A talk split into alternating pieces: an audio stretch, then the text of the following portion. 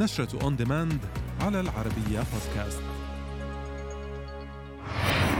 سر حب يسرى لمسلسل حرب أهلية. جمال سليمان الطاووس لا علاقة له بالفيرمونت.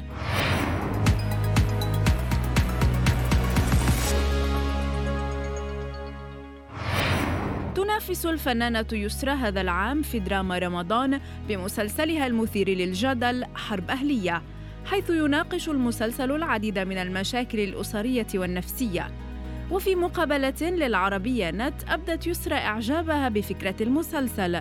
وحماسها له بسبب وجود شخصيات كثيرة لكل منها خط يؤثر على الخطوط الأخرى. ولم تخفي يسرى حرصها على التعامل مع الجيل الجديد لأنها مقتنعة أن التعامل مع أجيال مختلفة يجدد الفنان كلياً. وجه الفنان جمال سليمان إلى متابعي مسلسل الطاووس رسالة تدعوهم إلى الاستمرار في مشاهدة العمل، مؤكدا أن الحلقات الأخيرة ستشهد الكثير من المفاجآت التي لن يتوقعها أحد.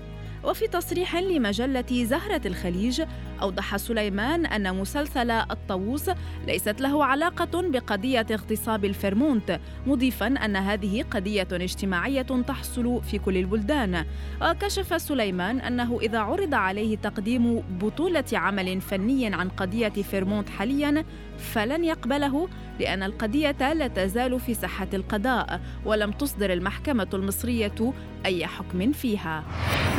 احتفلت أسرة مسلسل وكل ما نفترق بانتهاء التصوير الذي استمر لأكثر من أربعة أشهر متواصلة. ونشرت الفنانة ريهام حجاج صورا مع فريق عمل المسلسل حيث حضر الاحتفال في آخر أيام التصوير أبطال العمل محمد الشرنوبي وسلوى خطاب والمخرج مصطفى أبو سيف وعدد كبير من المشاركين أمام الكاميرا وخلفها. حقق فيلم مورتل كومبات إيرادات وصلت إلى 51 مليون دولار أمريكي منذ طرحه في دور العرض في الثالث والعشرين من إبريل الجاري.